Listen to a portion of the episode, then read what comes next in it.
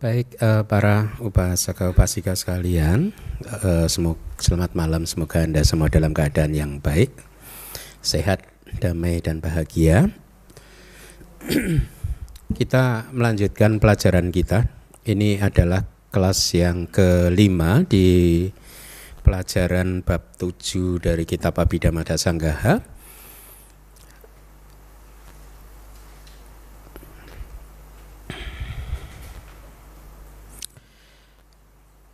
Sekarang kita akan diperkenalkan dengan terminologi yang baru lagi ya.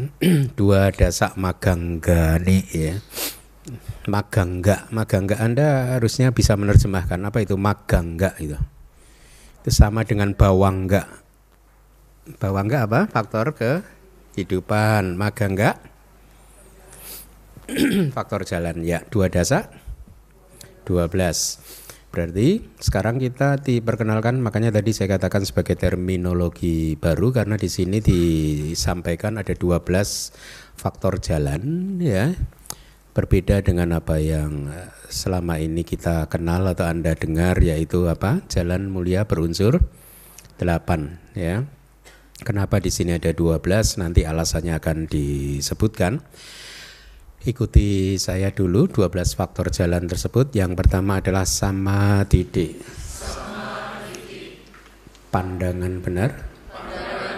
Sama sangkapa.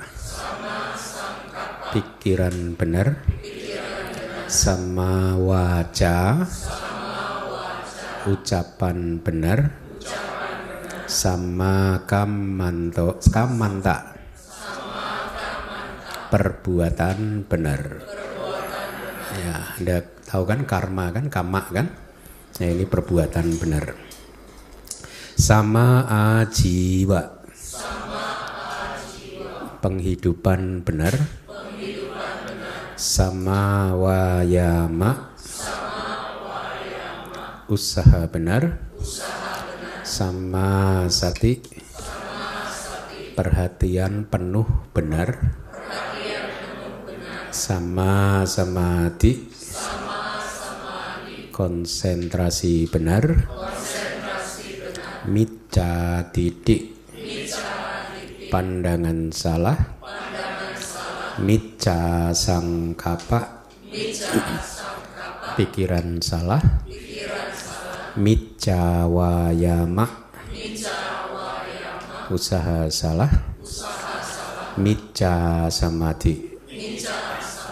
konsentrasi salah. Sebenarnya bisa konsentrasi yang salah, konsentrasi yang benar begitu ya, tapi karena apa tidak terlalu berbeda maka yangnya saya hilangkan. Uh, jadi Demikianlah itu tadi harusnya sudah delapan ya. Jadi dari 12 itu kita dapatkan dari jalan mulia berunsur delapan seperti biasa dan dari faktor jalan yang aku salah yaitu mica didi, mica sangkapa, mica wayama dan mica samadhi mica ya, mica samadhi. Uh, ini bahasa Indonesianya tadi sudah kita baca, harusnya kita bisa skip ya 12 faktor-faktor jalan adalah pandangan benar dan seterusnya. Mari kita lihat uh, penjelasannya dari kitab Wiba Winidika. Terdapat jalan-jalan ya yang menuju ke kelahiran yang menyedihkan, menuju ke kelahiran yang penuh kebahagiaan dan menuju ke nibana. Jadi jalan ini ada tiga jalan yang menuju ke tempat tujuan yang berbeda ya yaitu ke kelahiran yang menyedihkan penuh kebahagiaan dan nibana makanya kita menemukan uh, empat jalan uh, empat faktor jalan yang aku salah karena empat jalan itu menuju ke kelahiran yang menyedihkan. Faktor-faktor jalan adalah faktor-faktor jalan-jalan tersebut yang menjadi sebuah jalur yang menuju pada kelahiran tertentu atau kelahiran tersebut ya. Uh, ya kelahiran yang menyedihkan itu bahasa palinya sugati. Eh, dugati. Dugati ya. Kalau yang penuh kebahagiaan berarti sugati. Kalau dugati g-nya dua. Dugati. Kalau sugati g-nya satu. Sugati. Uh, kemudian nibana ya. Jadi karena merujuk kepada jalan yang menuju ke arah tiga jenis dhamma inilah. Maka kita kemudian sekarang diperkenalkan dengan 12 faktor jalan. Pandangan benar sekarang dikupas satu persatu adalah dhamma yang melihat dengan benar tanpa kesalahan. Artinya tidak kebalikannya ya. Dhamma tersebut ada 10 jenis. Saya rasa di buku hmm, manual 5 mungkin ya. Sudah saya sampaikan kali ya. Yang 10 jenis pandangan benar yaitu ada yang didanakan, ada yang dikorbankan, ada yang dipersembahkan dan seterusnya itu. Ya, ada kan ya? Harusnya di buku manual 5 saya sudah kupas. Uh, jadi yang satu adalah ada yang didanakan atau nati dinang atau bisa juga eh ati dinang ada yang didermakan juga boleh diterjemahkan begitu. Ada sesuatu yang dikorbankan ati yitang, ati hutang, ada sesuatu yang dipersembahkan gitu, ada persembahan gitu. Artinya itu sebenarnya begini loh. Bahwa kalau dari sisi pandangan salah itu orang ada yang meyakini nggak ada persembahan, nggak ada dana, nggak ada derma, jadi nggak perlu melakukan derma karena itu nggak bermanfaat, gitu loh. Itu maksudnya bukan bukan berarti nggak ada sesuatu yang didanakan tidak mempunyai apa-apa untuk didanakan begitu bukan ya ini pandangan salah yang berkaitan dengan seseorang yang tidak mempercayai adanya efek baik dari berderma dan seterusnya gitu. Tapi di sini kita sekarang membahas pandangan benarnya kan.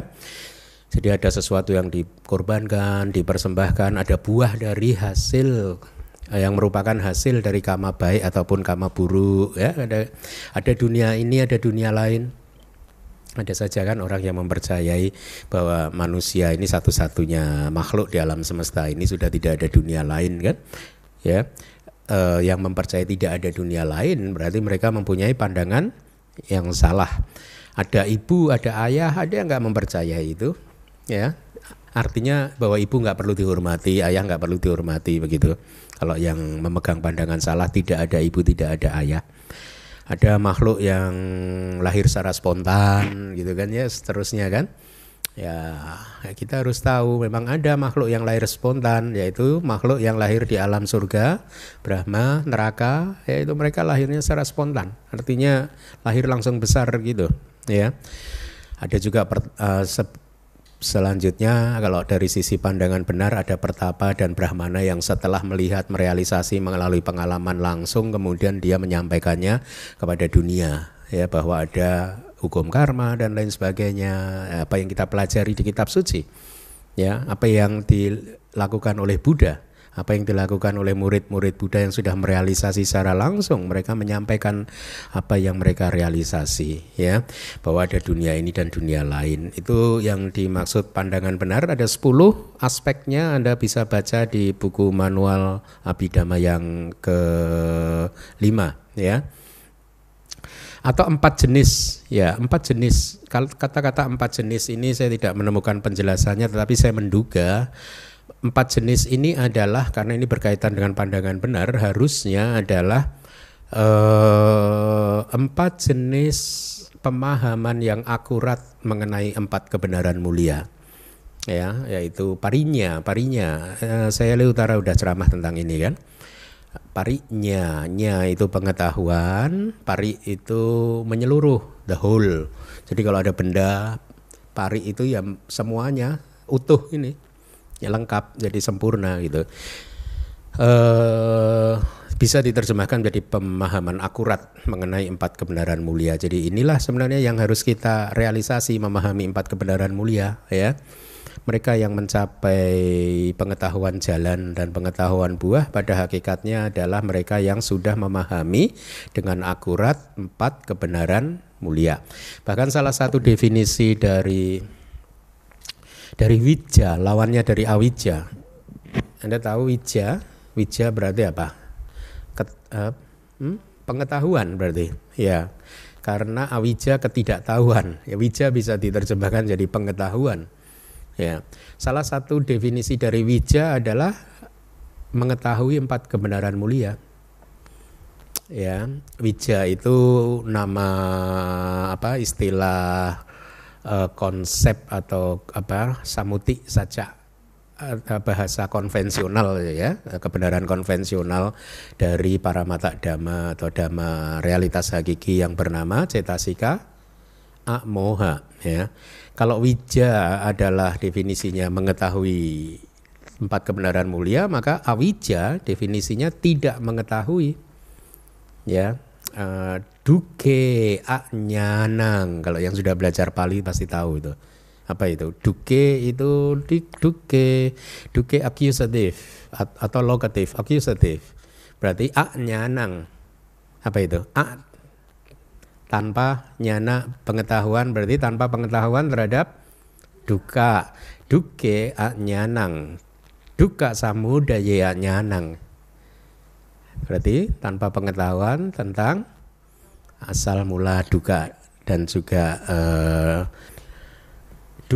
duka nirodea nyanang gitu. Jadi tanpa pengetahuan tentang berhentinya duka. Duka niroda kamini Hah? Duka niroda, duka niroda, duka niroda kamini pati pada. Ya. Yang keempat harusnya mungkin cukup mage gitu ya. Karena cukup jalan gitu tentang nggak usah panjang. Jadi ketidaktahuan tentang jalan. Maksudnya jalan yang menuju ke berhentinya duka gitu. Nah, pandangan benar ini cetasika apa? Hmm? Ada ya cetasika panya ya?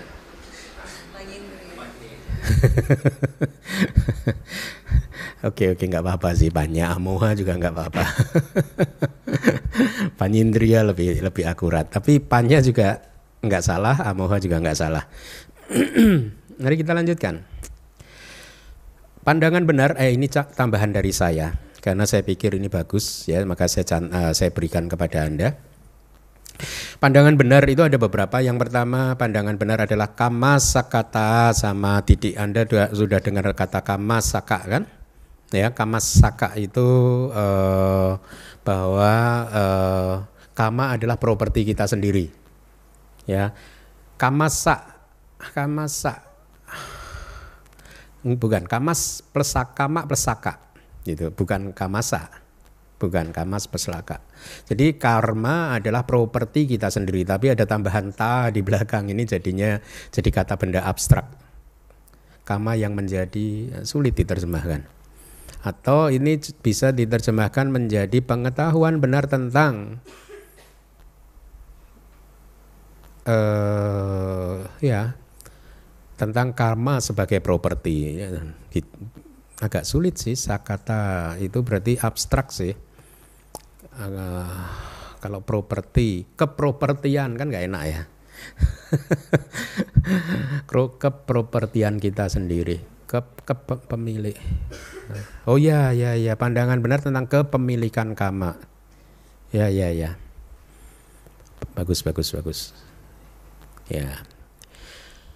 Jadi lihat itu pandangan benar. Kalau kita benar-benar kokoh di sini bahwa kita benar-benar kuat di pandangan benar tentang kepemilikan kama bahwa kita ini adalah pemilik dari karma kita sendiri, maka kita nggak pernah komplain loh kalau Anda coba renungkan ya, komplain itu muncul karena kita lupa bahwa kita pemilik karma kita sendiri. Hmm?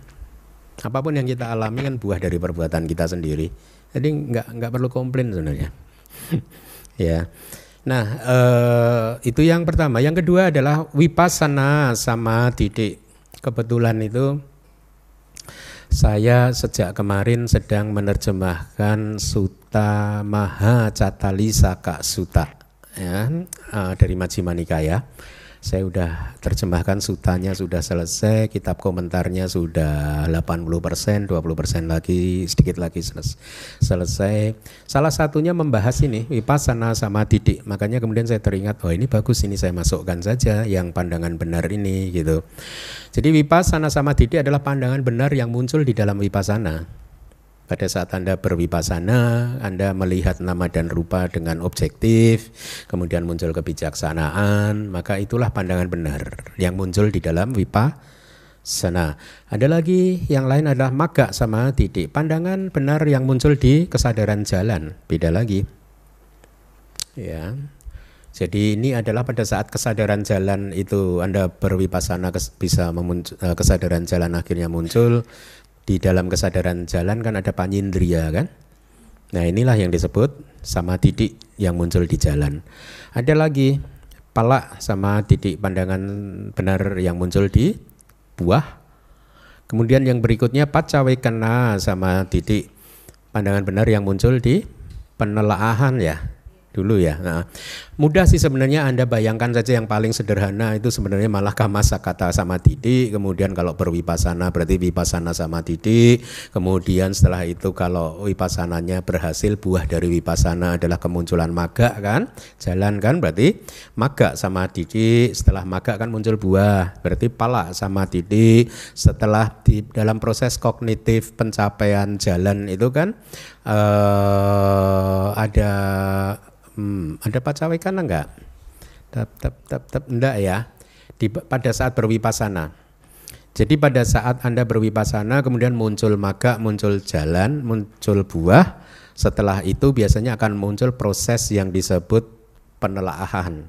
Ya, pada saat menelaah kembali untuk melihat kembali sudah menghancurkan berapa kilesa Anda ya kilesa apa saja yang sudah dihancurkan, kilesa apa yang belum dihancurkan dan seterusnya ya.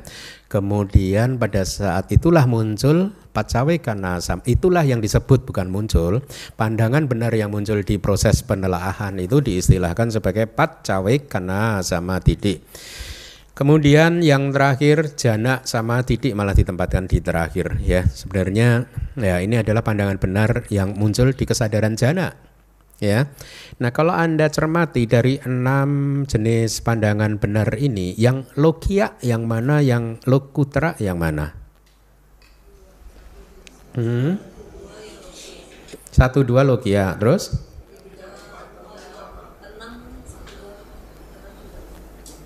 Mama? Hah?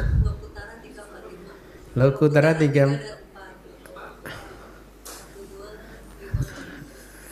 Udah setuju semua? Udah satu suara belum Anda? Kayaknya masih pecah-pecah suaranya. Kita satu aja loh ya suaranya. Jadi yang Lokutara yang mana?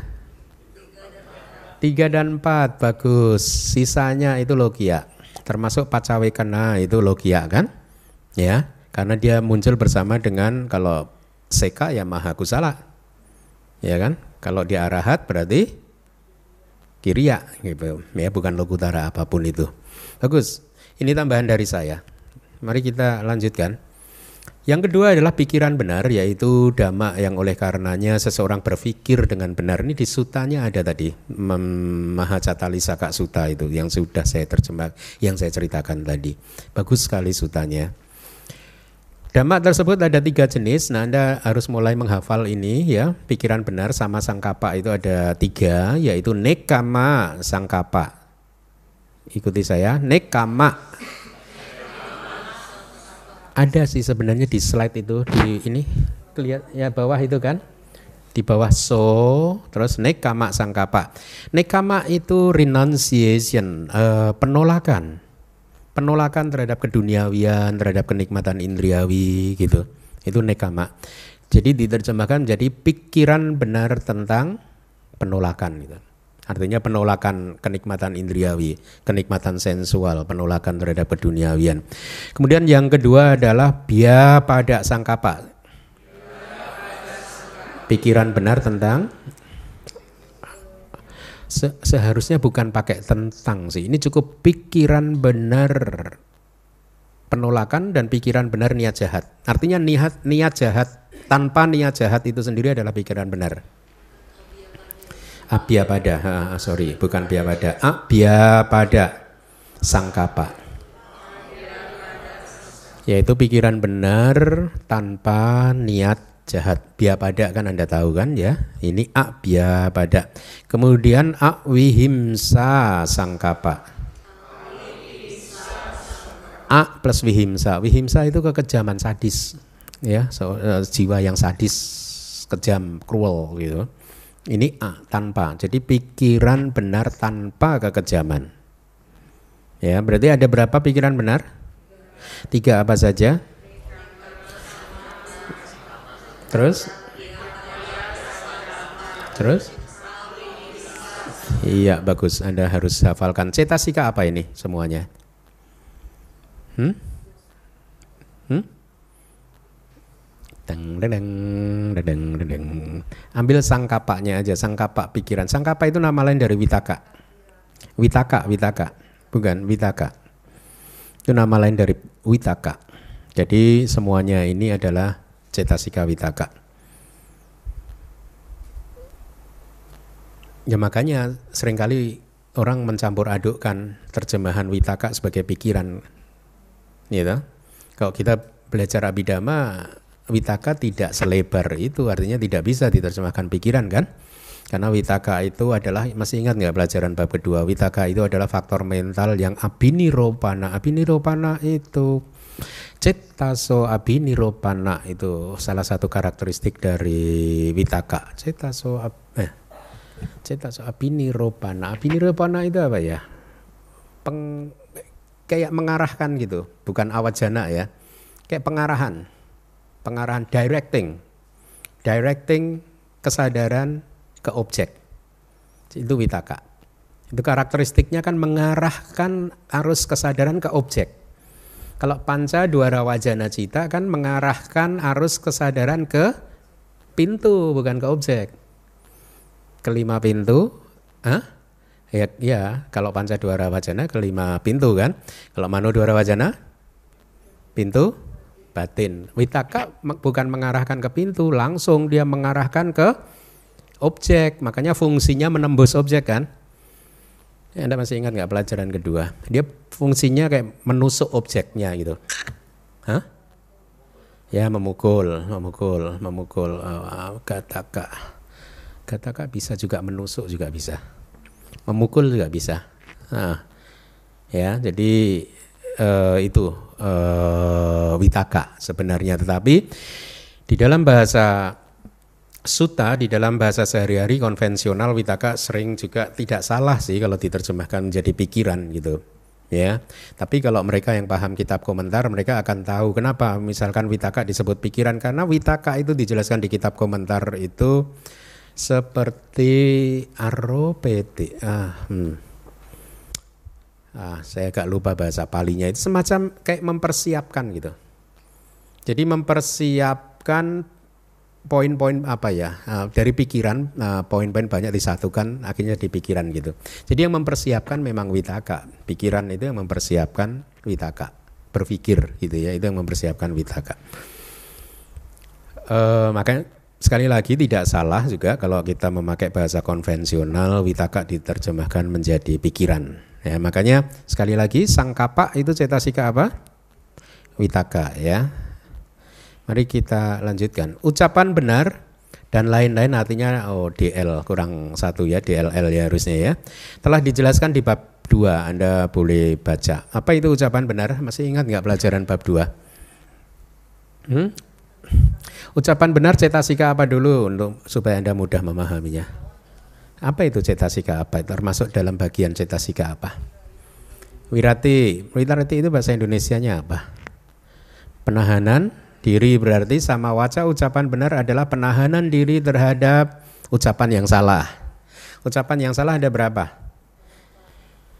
Ada empat ya, yaitu musawada perkataan bohong, kemudian parusa waca uh, ucapan kasar, kemudian Pisuna waca apa itu? Ucapan fitnah, kemudian sampak palapa uh, omong kosong. Jadi penahanan diri terhadap empat ucapan yang salah itu tadi. Sebenarnya ucapan harusnya pelajaran di bab 2 tidak menyebut ucapan salah sih. Seingat saya itu disebutnya hmm, waci ducarita. Ya kan perilaku ucapan yang tidak baik. Ingat nggak? ya e, waci nanti ada kaya ducarita perilaku tubuh yang tidak baik. Jadi perilaku ucapan yang tidak baik adalah perkataan bohong ucapan kasar ucapan fitnah omong kosong. Nah penahan di penahanan diri terhadap empat perilaku ucapan yang tidak baik itulah yang disebut ucapan benar. Kemudian usaha uh, tadi udah ya cetasikannya usaha benar adalah dhamma yang oleh karenanya seseorang berjuang dengan benar, bukan berjuang dengan salah. Artinya berjuang untuk hal-hal yang baik itu ya, bukan untuk hal-hal yang tidak baik. Cetasika apa ini? Hmm? Oh ya, bagus wirya ya. Kemudian Oh, sorry. Kok langsung perhatian benar berarti di skip ya. Usaha benar sama wayama Oh iya ya, sama sati ya. Bentar. Sama titi, sama sangkapa, sama waca dulu, sama kamanta belum kan? Itu di di di, di wibawininya memang nggak disebutkan berarti. Sama kamanta itu usaha benar. Usaha benar ini cetasika apa? Hmm? Iya ya sorry. Perbuatan benar. cetasika apa? Wirati lagi tapi yang sama kamanta ya. E, apa definisi dari sama kamanta di sini? Kalau tadi ucapan benar adalah penahanan diri terhadap empat perbuatan ucapan yang salah, maka seharusnya sama kamanta perbuatan benar adalah penahanan diri dari perbuatan tubuh yang tidak baik. Ada berapa? Tiga, yaitu panatipata adinadana kami sumi cacara bagus. Sama wajah sama kamanta sama ajiwa. Hmm? apa itu? Penghidupan yang benar. Uh, apa itu cetasikanya wirati lagi. Bagus ya berarti tiga wirati sudah ya. Sama wajah sama kamanta sama ajiwa sudah ya. Yaitu kalau untuk umat ya sama ajiwa itu ya bermata pencaharian yang tidak melanggar panca sila bermata pencaharian yang bukan termasuk dari lima perdagangan yang dilarang ya. Kalau untuk biku banyak ya. Itu di Maha Catara Maha Catari Saka Suta yang tadi saya sampaikan dikupas dengan sangat baik ya bahwa penghidupan benar buat seorang biku itu uh, tidak boleh munafik. Hmm. Munafik itu artinya pretending seolah-olah sudah begini sudah begitu atau berpengetahuan luas hanya untuk mendapatkan laba sakara, keuntungan dan penghormatan. Kemudian tidak boleh menggunakan kata-kata rayuan, bahaya loh biku itu. Saya kadang itu kalau berkata-kata harus hati-hati. Jangan sampai kata-kata saya itu kayak menginsinuasi ya apa ya? Kayak membujuk secara tidak langsung buat seseorang untuk mensupport saya dalam hal-hal tertentu begitu. Itu kata definisi dari kata-kata rayuan. Ya merayu secara tidak langsung dengan tujuan untuk tadi mendapatkan laba sakara yaitu keuntungan dan juga penghormatan gitu. Ya dengan kalimat tidak langsung mengarahkan umat untuk ini secara tidak langsung itu pun tidak boleh. Itu termasuk pelanggaran, uh, termasuk apa? penghidupan yang tidak baik. Uh, perdukunan juga nggak boleh. Seorang biku nggak boleh acting seperti dukun, nggak boleh. Itu penghidupan yang salah. Ya, kalau di dalam kitab komentar nanti di suta yang tadi saya ceritakan ada itu rencana mungkin nanti jadi buku ketiga nanti. Ber, uh, bertindak atau berperilaku seperti dukun itu ya meramal. Ya memberi ini berdasarkan tanda ini itu ini itu gitu. So, seperti dukun lah. It, biku nggak boleh. Itu adalah penghidupan yang salah.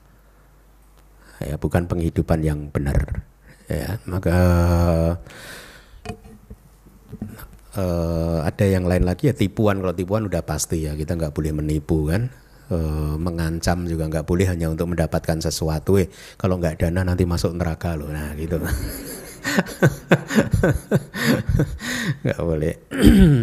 Ya itu untuk biku itu ya. Uh,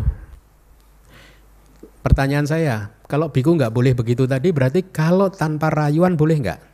Langsung aja minta Terus terang. Oh, apalagi seorang biku tidak diperbolehkan minta kepada siapa pun umat yang tidak menyampaikan invitation undangan bahwa saya akan memenuhi apa yang Bante penuhi begitu.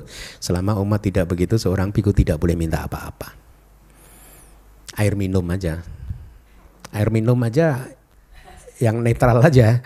Nggak boleh teh kopi nggak boleh juga tolong dong Pak Johan kopinya kok nggak ada nih. Ah nggak boleh.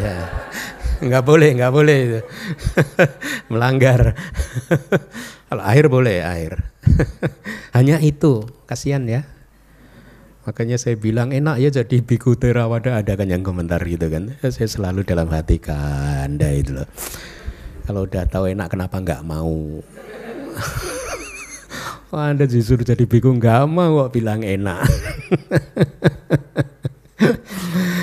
Mari kita lanjutkan. Perhatian benar yaitu sati ya. E, perhatian penuh benar harusnya. Saya, saya, saya perbaiki terjemahannya di buku Suta perhatian penuh yang benar gitu adalah dhamma yang oleh karenanya seseorang mengingat dengan benar. Lihat tuh mengingatkan gitu. Memori kan sati kan ya. Cetasika apa? Mudah ya sati konsentrasi benar cetasika apa ekagata ya dhamma yang oleh karenanya kesadaran diletakkan dengan benar dan rata itu artinya kesadaran ini objek dia benar-benar menempel jadi satu gitu Ya, eh, makanya saya terjemahkan ekagata menjadi apa? Kemanunggalan. Kemanunggalan itu keadaan menjadi satu. Ya, atau bahasa bahasa Inggrisnya one pointedness. Ya, keadaan untuk menjadi tunggal, manunggal. Kemudian terdapat lima jenis kemanunggalan atau ekagata yaitu jana satu, jana dua, jana tiga, jana empat, jana lima. Jana lima di sini termasuk arupa jana. Ya. E, harusnya kita sudah jalan mulia berunsur delapan atau jalan yang menuju ke kelahiran di alam yang baik serta menuju ke nibana sudah sekarang kita lihat jalan yang aku salah yang menuju ke kelahiran di alam yang penuh penderitaan atau alam yang menyedihkan. Yang pertama adalah pandangan salah ya. Pandangan salah adalah faktor-faktor uh, dan lain-lain ini. Adalah faktor jalan karena mereka adalah jalan menuju ke kelahiran yang menyedihkan gitu.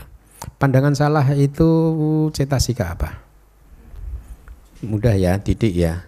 Kemudian tadi yang kedua apa setelah pandangan salah adalah pikiran salah kan? Pikiran salah cetasika apa? Hmm, tengdung, tetot, dah. Waktunya habis. Mitaka. kan witaka kan cetasika apa? Masuk dalam kelompok apa Pak Wisanti Witaka Wicara hanya semana. ya? Hanya semana itu kan kanan kiri oke kan? Nah, jadi witaka juga karena dia bisa kusala dan bisa Terus yang ketiga tadi apa? Usaha salah ya? Sam, micawayama ya? Usaha yang salah. Itu cetasika apa? Wirya juga. Kemudian konsentrasi salah itu apa? Ekagata juga. Jadi jangan jangan bangga kalau Anda punya ekagata yang wah, oh, ekagata saya sekarang kuat loh Bante. Jangan bangga dulu. Kuat ke aku salah. kalau dulu kalau guru saya cerita itu kamu tahu nggak tukang copet itu ekagatanya bagus loh tukang copet itu kalau ekagatanya nggak bagus nggak dapet loh dia konsentrasi beneran. Eh, terus dia gini lagi beliau kucing juga begitu. Kucing itu kalau dia menunggu di depan rumah tikus yang lubang tikus itu dia menunggu penuh konsentrasi itu. ya enggak?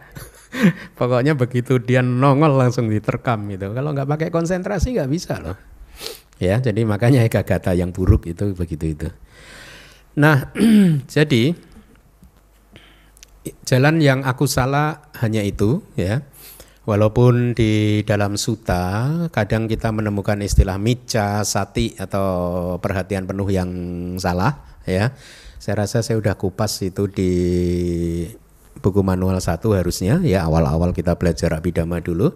Tapi sebenarnya mica sati itu tidak termasuk bu, atau bukan sati cetasika sati. Kenapa? Karena sati adalah sobana cetasika kan? Ya, jadi dia bukan bukan sobana kalau mica. Lalu mica sati itu apa harusnya? Uh, di salah satu kitab sub komentar disebutkan itu sebenarnya hanya sanya. Kalaupun mau di trace back ke realitas hakikinya dia hanya sanya aja persepsi saja gitu. Ya. Uh, tapi kembali lagi yang disebut jalan yang aku salah ya hanya empat itu saja ya. Jadi yang lain-lain yang mica mica mica yang lain dianggap tidak menuju ke kelahiran di neraka ya. Uh, saya ralat. Belum tentu begitu sih. Itu kata-kata saya sih. Saya ralat. Ya.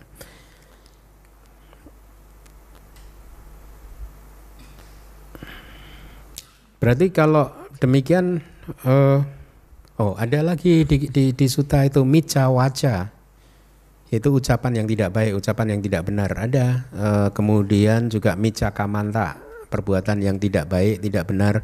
Berarti itu cetasika apa? Termasuk mica ajiwa itu. Penghidupan yang tidak benar, penghidupan yang salah. Itu cetasika apa? Bukan cetasika yang tersendiri atau khusus, dia hanya pokoknya ya muncul melalui aku salah cita begitu. Ya, pokoknya dia hanya muncul di kesadaran yang tidak baik. Gitu. Mari kita lanjutkan. Berikutnya adalah bawi sati indria. Bawi sati, Anda sudah bertemu bawi sati di hafalan Abhidhamma Pitaka, Abhidhamma Sanggaha? Bawi sati apa? Ketemu nggak sih? Belum ya? 22.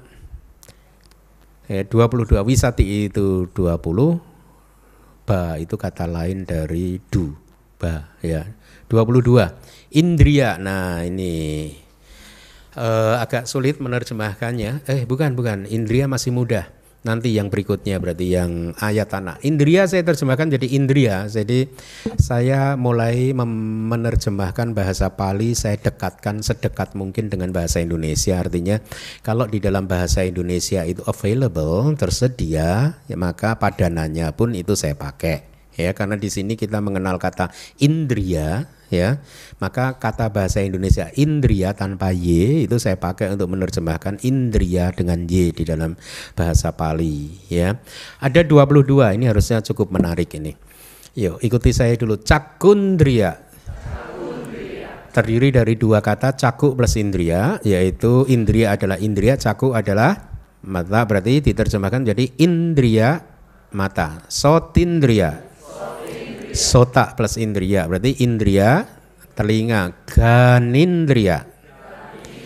Gana plus indria berarti indria hidung. Jiwindria.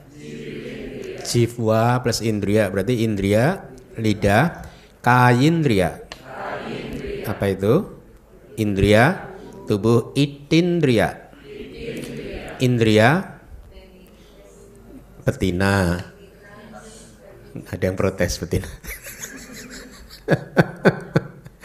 Enggak maaf maaf karena ada ada ada yang menyampaikan ke saya katanya.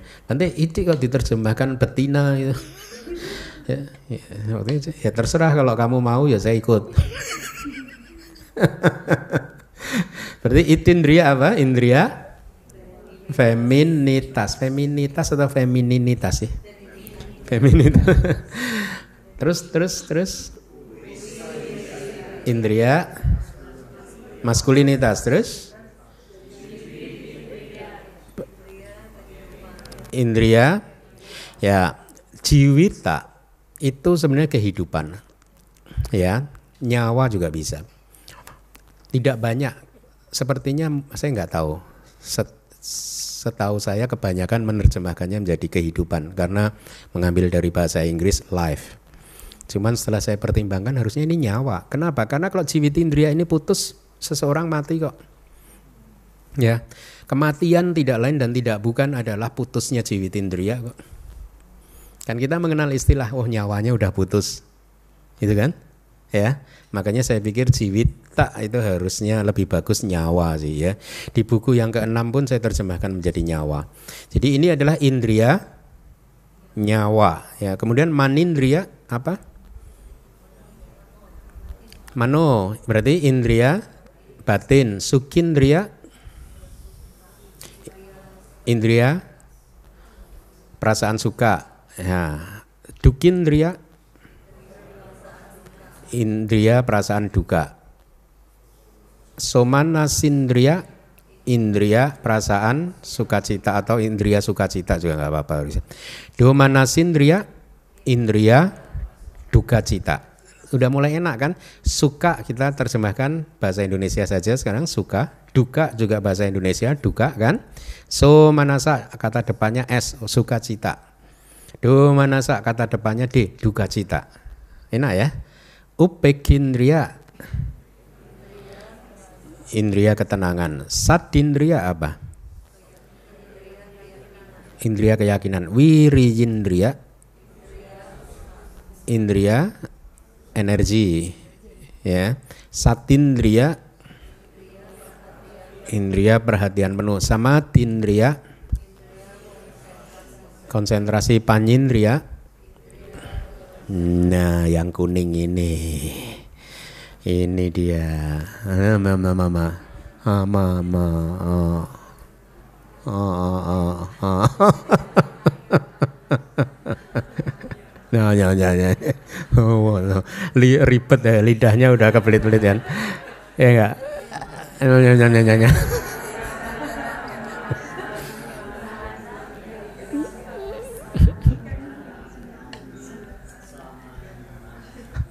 Ya, ya, ya, ya.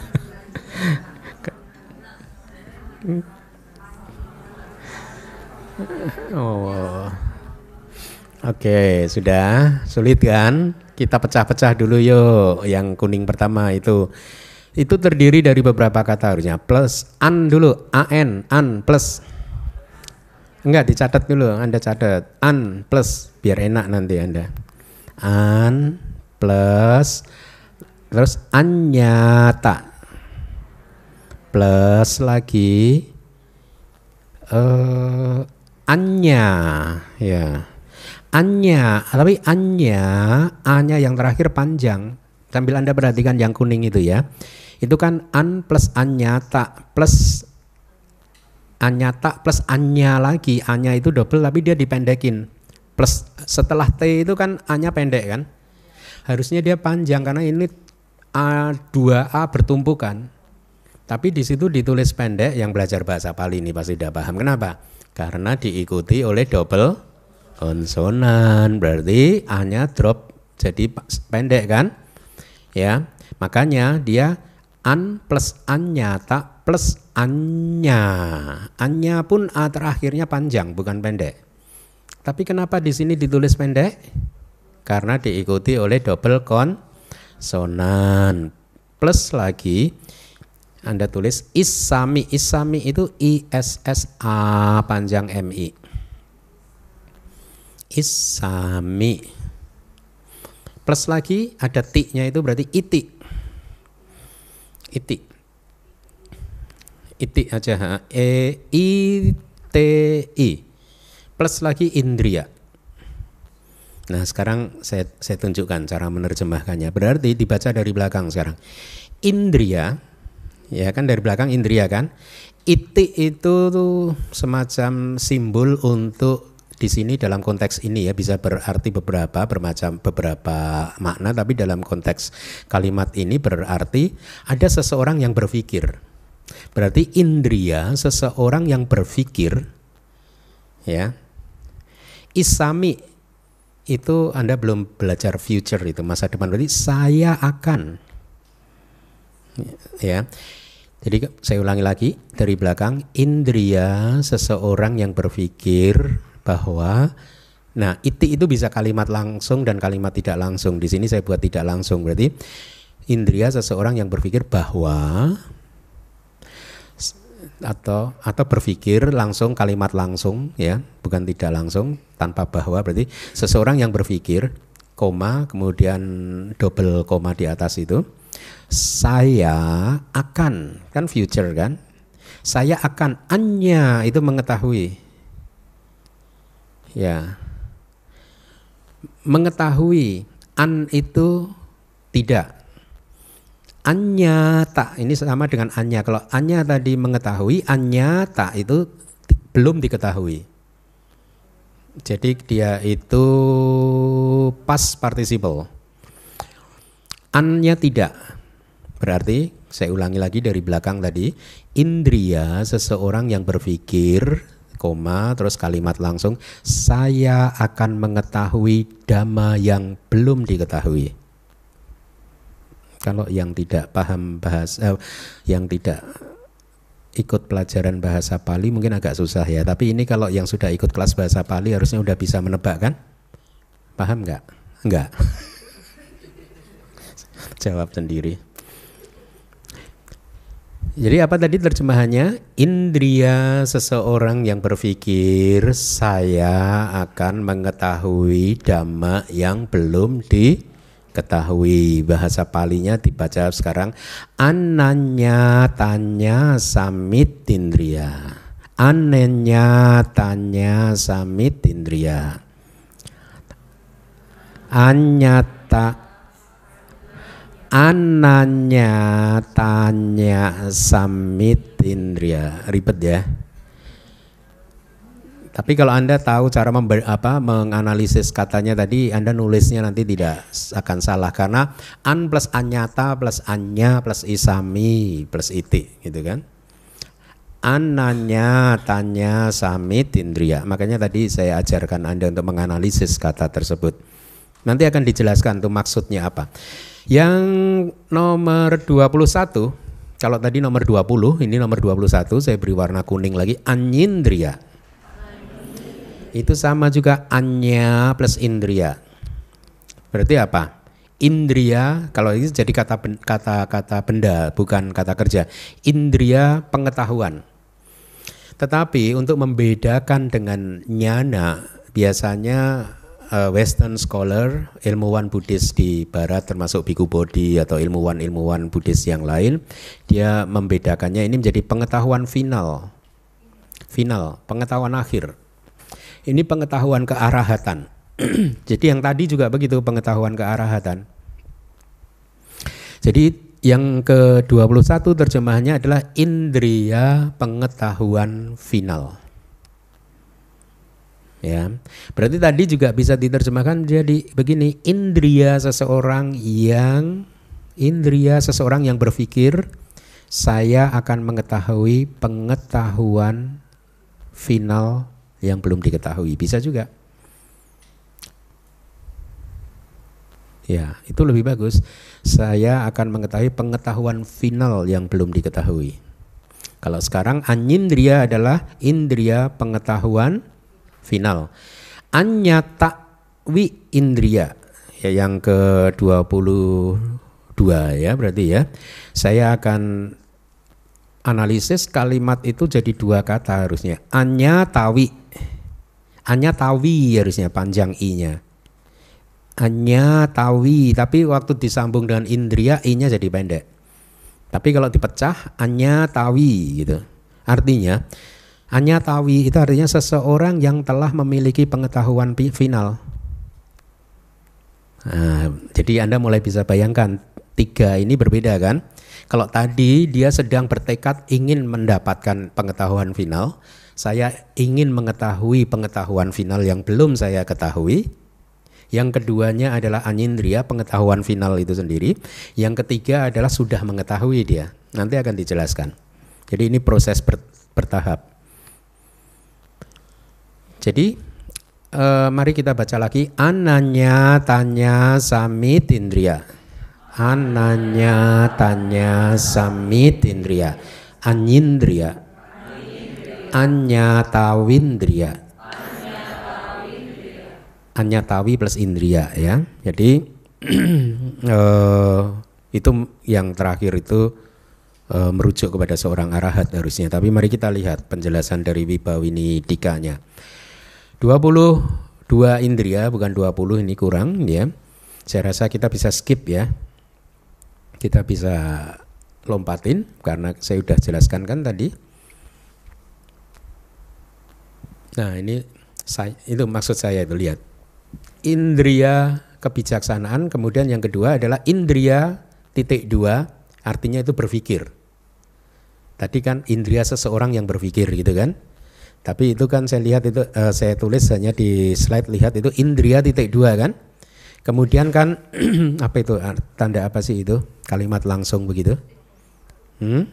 Quote quotation kalimat kalimat langsung saya akan mengetahui pengetahuan final yang belum diketahui artinya belum dia ketahui ya kemudian yang berikutnya indria pengetahuan final. Yang terakhir indria seseorang yang telah memiliki pengetahuan final.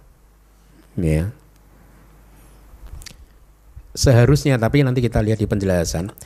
Yang nomor 20 itu indria seseorang yang ingin mengetahui pengetahuan final yang belum diketahui ini muncul pada saat seseorang berwipasana.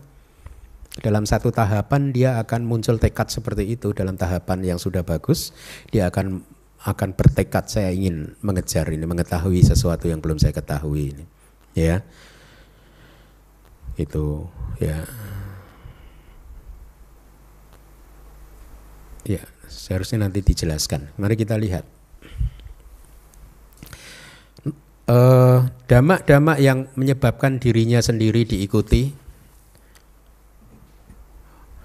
Oh, ini ini ini Wibawini hanya ingin memudahkan Anda, membantu Anda supaya Anda mudah untuk menghafal 22 indria tadi, ya.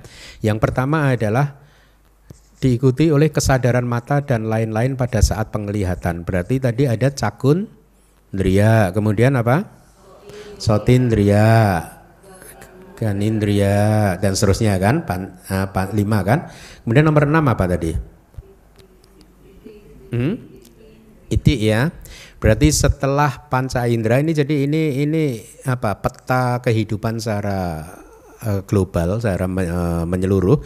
Yang pertama pengalaman lewat panca indera, ya indria-indria panca indera lima, kemudian dua dari jenis kelamin, itindria dan purisindria, kemudian yang kedelapan apa? Nah, nyawanya kan jiwitindria, ya.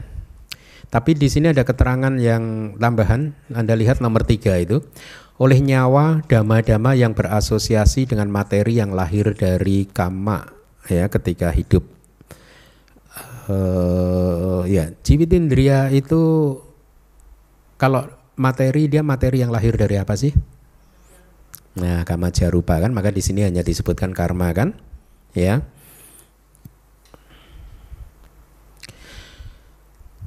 Jadi saya akan coba sampaikan penjelasannya. Kenapa disebut indria? Sebenarnya ini mod, apa sesuai dengan namanya. Ya, Indria itu kalau bahasa Sanskerta Indra itu artinya raja.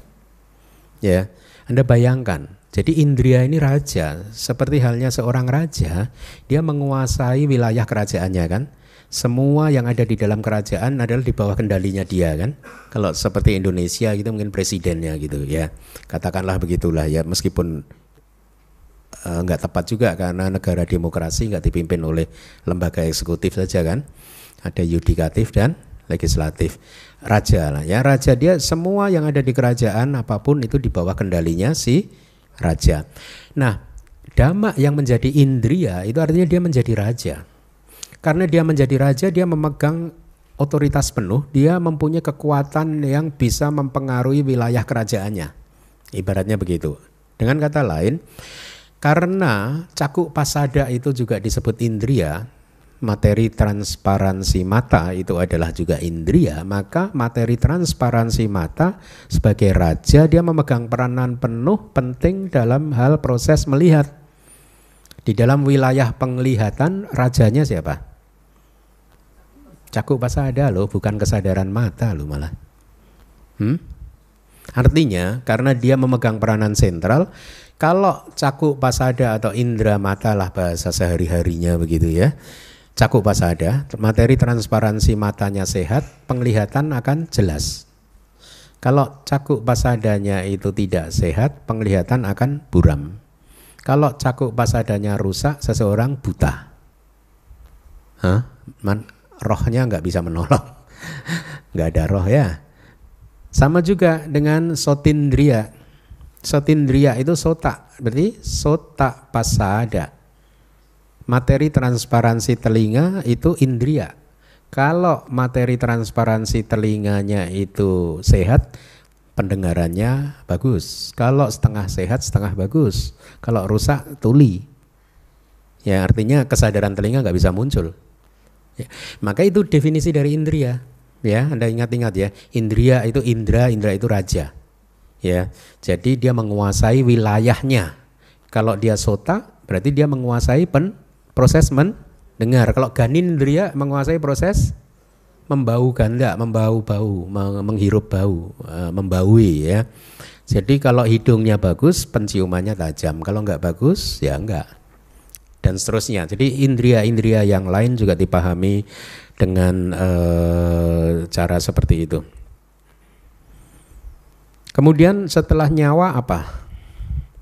Setelah nomor tiga kita lihat tadi 5, 2, 1, 8. Kesembilan ya.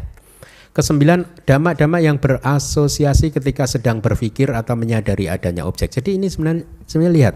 Yang pertama supaya Anda mudah untuk menghafalnya, indria panca indera katakanlah. ya. Setelah itu kan manusia ini, ini penting, panca indera ini penting. Kemudian manusia dibedakan menjadi dua jenis kelamin laki-laki dan perempuan berarti udah dapat tujuh. Terus yang penting lagi apa? Nyawa kan? Punya nyawa kemudian komponen yang berikutnya apa? Berpikir. Manindria, ya mana indria, mana indria. Jadi indria apa? Batin. Setelah komponen yang lain lagi apa? Perasaan. Perasaan di analisis berapa tadi? Lima ya. Sukindria, dukindria, somanasindria, domanasin, Iya, berarti berapa tadi? 9 tambah 5, 14 ya. Betul. Kemudian yang ke-6 Dhamma yang berlangsung karena adanya kekuatan keyakinan dan lain-lain pada saat ada keyakinan dan lain-lain. Berarti ini sada kan? Ya. Sadindria 15 kan? Kemudian setelah itu apa tadi? Sadindria, wirindria. Ingat nggak? Apa berarti wirindria? Wirya kan? Kemudian satindria apa itu? Sati, kemudian 18 ekagata. E, samadindriya, ekagata kan? Ekagata, kemudian ke 19 ya. 19 ya, apa? Panyindriya, yaitu indria kebijaksanaan. 19 kurang 3 kan? Yang tadi apa tadi? Ama, ama, ama, ama.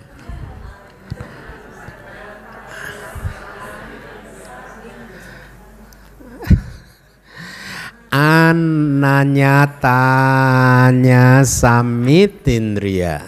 Masih ingat nggak? Kalau Anda ingat analisisnya dulu, an anyata anya sami iti indria. Hah? Yuk apa?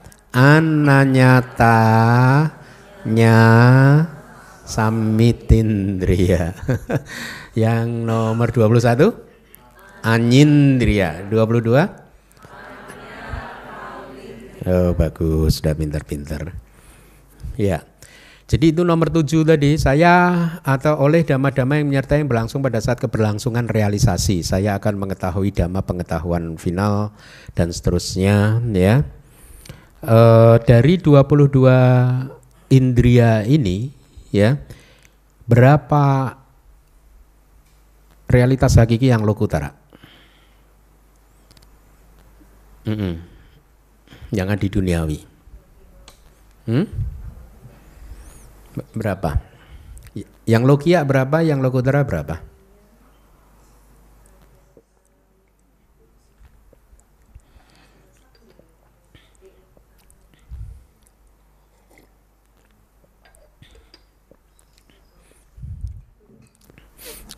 Ah, mohon maaf, boleh nggak saya jawab sendiri? Boleh ya?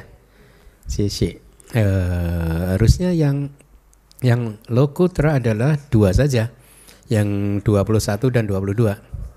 20 masih lokia. Oh, 20, 21, 22. Oh, 20 pun lokutara. Karena 20 itu termasuk magacita. Range-nya panjang tapi termasuk magacita, termasuk panya yang muncul di magacita. Berarti tiga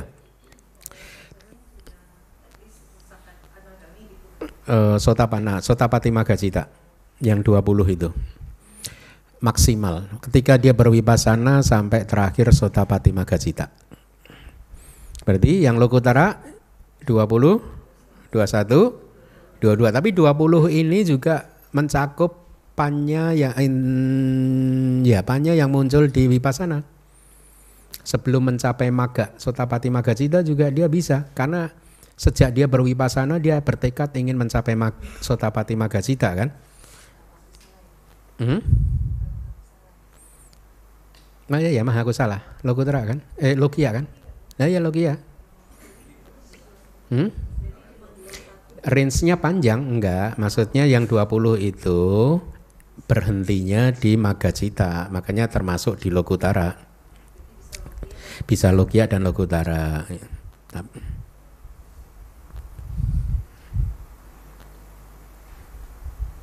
Oke. Okay. 21 itu Sotapati Pala sampai Arahata Maga. Pengetahuan final itu pengetahuan arahat. Arahat itu kan harus mencapai buah arahata. Yang mana? 21 itu Sotapati Pala sampai Arahata Maga. Jalan yang 22 Arahata Pala.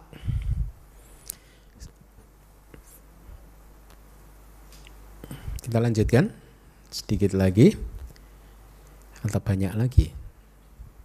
Dhamma-dhamma tersebut dinamakan indria dalam artian sebagai penguasa, tadi sudah saya jelaskan. Berkaitan dengan hal tersebut, beliau mengatakan indria mata dan seterusnya itu menyebut tentang 22 indria. Tapi yang ingin saya Anda pahami adalah indria maknanya apa tadi? Penguasa atau raja ya. Akan tetapi di dalam atak kata arti dari indria telah disampaikan lebih jauh lagi dengan makna seperti sifat seorang raja. Tadi sudah saya sampaikan. Indria nyawa dua jenis di sini indria nyawa saya juga agak ini. Saya dosa juga mengatakan ini dua jenis uh, jiwit indria. Jadi tidak hanya yang rupa, termasuk dua jenis indria nyawa. Saya belum sempat mencari di kitab Abhidhamma ininya, tapi untuk sementara ikuti dulu saja dua ini ya. Uh, cetasika sama yang rupa toh. Material dan non material. Nah, ini ada nih penjelasannya. Indria saya akan mengetahui pengetahuan final yang belum diketahui. Penjelasannya, indria seseorang yang telah memasuki jalan dengan kecenderungan demikian. Artinya di sini memasuki jalan itu sedang berwipasana ya bukan sudah mencapai magacita. Dengan kecenderungan yang demikian saya akan mengetahui keadaan tanpa kematian berarti kan belum mengetahui dia. Ya. Yang merupakan keadaan yang tidak diketahui di dalam samsara yang tanpa awal itu ya. Tanpa awal yang bisa diketahui ya. Itu satu paket samsara yang tanpa awal yang bisa. Artinya awal dari samsara nggak bisa diketahui. Atau dia akan mengetahui dhamma tentang empat kebenaran mulia itu sendiri. Tadi sudah saya katakan kan, pencerahan itu tidak lain dan tidak bukan pada saat maga cita seseorang sudah memahami empat kebenaran mulia sesuai dengan tahapannya. Kalau dia sotapanti ya sotapana ya tahapannya belum sedalam sakadagami dan seterusnya gitu. Jadi indria ini anyatanya samit indria itu range-nya lebar sejak dia berwipasana hingga berakhir di sotapati maga jalan ya. Kemudian indria pengetahuan final memahami hingga jalan yang uh, pertama memahami tanpa melampaui batas enggak ini pada mamaga di tamaria dan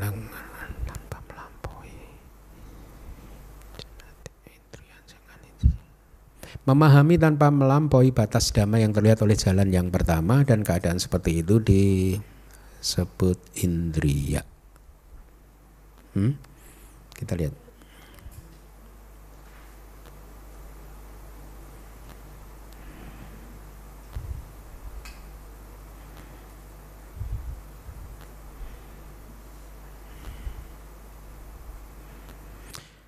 Begini untuk sementara begini dulu Anda catat dulu. Jadi yang nomor 20 adalah sampai sotapati maga. Nomor berikutnya seperti yang tadi saya sampaikan. Sotapati pala nanti harusnya ada penjelasannya sampai ke arahata maka kemudian yang terakhir adalah arahata pala. Ya. Harusnya di belakang ada penjelasannya.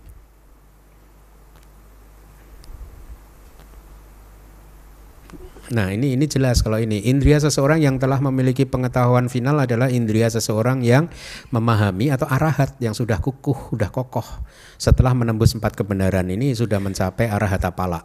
Kalau arahata maga belum dianggap. Ya, berarti ini udah confirm cuman keterangan yang kedua tadi agak agak mengambangkan ya yang anyindria tadi tapi saya seingat saya harusnya ada di kitab sub komentar penjelasannya. Kita lihat dulu. Indria kebijaksanaan diambil di sini dengan tujuan untuk menjelaskan damak-damak yang serupa. Indria saya akan mengetahui dhamma yang belum diketahui diambil untuk menjelaskan tugas spesial dalam kecenderungan individu masih kurang jelas. Dan di sini oleh karena menjadi sandaran unik untuk konsep makhluk, oh ini uraian sudah uraian yang ke-20. Dua indria lagi. Ya, tetapi kita simpulkan dulu yang nomor 20, 21 dan 22 adalah sesuai penjelasan saya tadi ya. Mulai slide ini kita akan diajar apa dibantu oleh Wibawinitika untuk mengikuti kronologi supaya kita mudah menghafal 22 indria ya. Mari kita baca. Oleh karena menjadi sandaran unik untuk konsep makhluk, ya, jadi makhluk secara konsep, secara panyati, ya, maka landasan pengindra internal disampaikan pertama kali. Ada berapa landasan pengindra internal? Lima kan, cakundria dan seterusnya. Selanjutnya indria batin, manindria. Dikarenakan kesamaan dengan landasan pengindra internal seharusnya disampaikan sesudahnya. Nah, itu ada kalimatnya kan. Tapi kan enggak kan diselingi dulu oleh itindria dan purisin dia.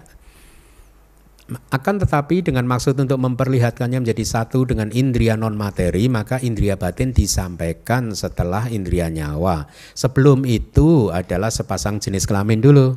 Jadi yang keenam apa? Itindria, yang ketujuh purisindria, yang kedelapan Jiwit indria yang kesembilan baru manindria. Tujuannya adalah untuk menunjukkan bahwa konsep makhluk atau makhluk sebagai konsep bukan sebagai realitas hakiki bisa diklasifikasikan menjadi perempuan dan laki-laki berdasarkan kualitas mereka yaitu sepasang jenis kelamin. Sesudahnya adalah indria nyawa dengan maksud untuk menunjukkan bahwa dhamma yang digenggam kukuh berdasarkan kekuatannya artinya bahwa segala dhamma itu e, berlangsung karena kekuatan dia sesungguhnya. Karena kalau dia putus ya semuanya putus. Ya, dia nyawa kan. Selanjutnya berarti udah sembilan ya. Adalah kelompok yang terdiri dari lima perasaan yaitu suka, duka, sukacita, duka cita dan UPK. Berarti sembilan tambah lima berapa? 14 ya. Dengan maksud untuk menunjukkan bahwa tumpukan damai yang dinamakan makhluk yang berlangsung dalam bentuk kesinambungan tertekan karena perasaan-perasaan ini. Udah 14. Selanjutnya kelompok yang terdiri dari lima yang dimulai dari sada, wirya, sati sama dipanya. Ya toh, mudah untuk dihafalkan. Anda sudah belajar panca indria kan? Pancindria yaitu apa? Sadindria, wirindria ya. Kemudian satindria dan seterusnya. Berarti sad, ikuti apa saja? Sada,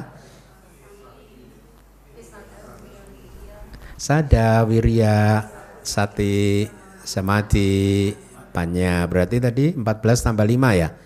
19. Kurang yang tiga tadi apa? Yang ribet tadi?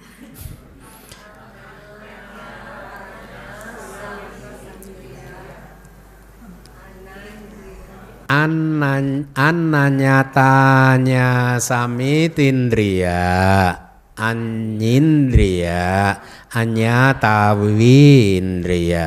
Ya tiga. Berarti ada 22 dengan maksud untuk menunjukkan bahwa mereka yang telah menghasilkan komponen pemurnian ya artinya sudah siap untuk mencapai pencerahan dimurnikan oleh dhamma-dhamma ini dan mereka yang telah mencapai kesucian adalah mereka yang telah menyelesaikan tugas yaitu arahat ya Sejauh ini makna yang dimaksudkan telah tercapai untuk maksud yang lain tidak diambil di sini. Ya artinya hanya itu yang dijelaskan. Inilah alasan untuk pembabaran sesuai dengan urutannya. Tidak ada penjelasan tentang tiga dhamma yang terakhir tapi menurut seingat saya apa yang sudah saya sampaikan adalah benar. Kalau salah besok diralat. Benar kayaknya benar sih. Terima kasih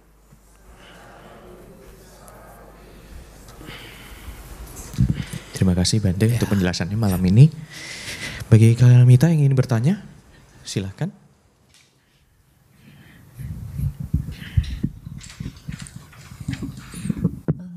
Wandani Bante, mm -hmm. Bante bisa tolong jelaskan tentang sama sangkapa nggak ya Bante? Maksudnya yang apa, apa bedanya abia uh, abia pada sangkapa dengan awihimsa sangkapa gitu?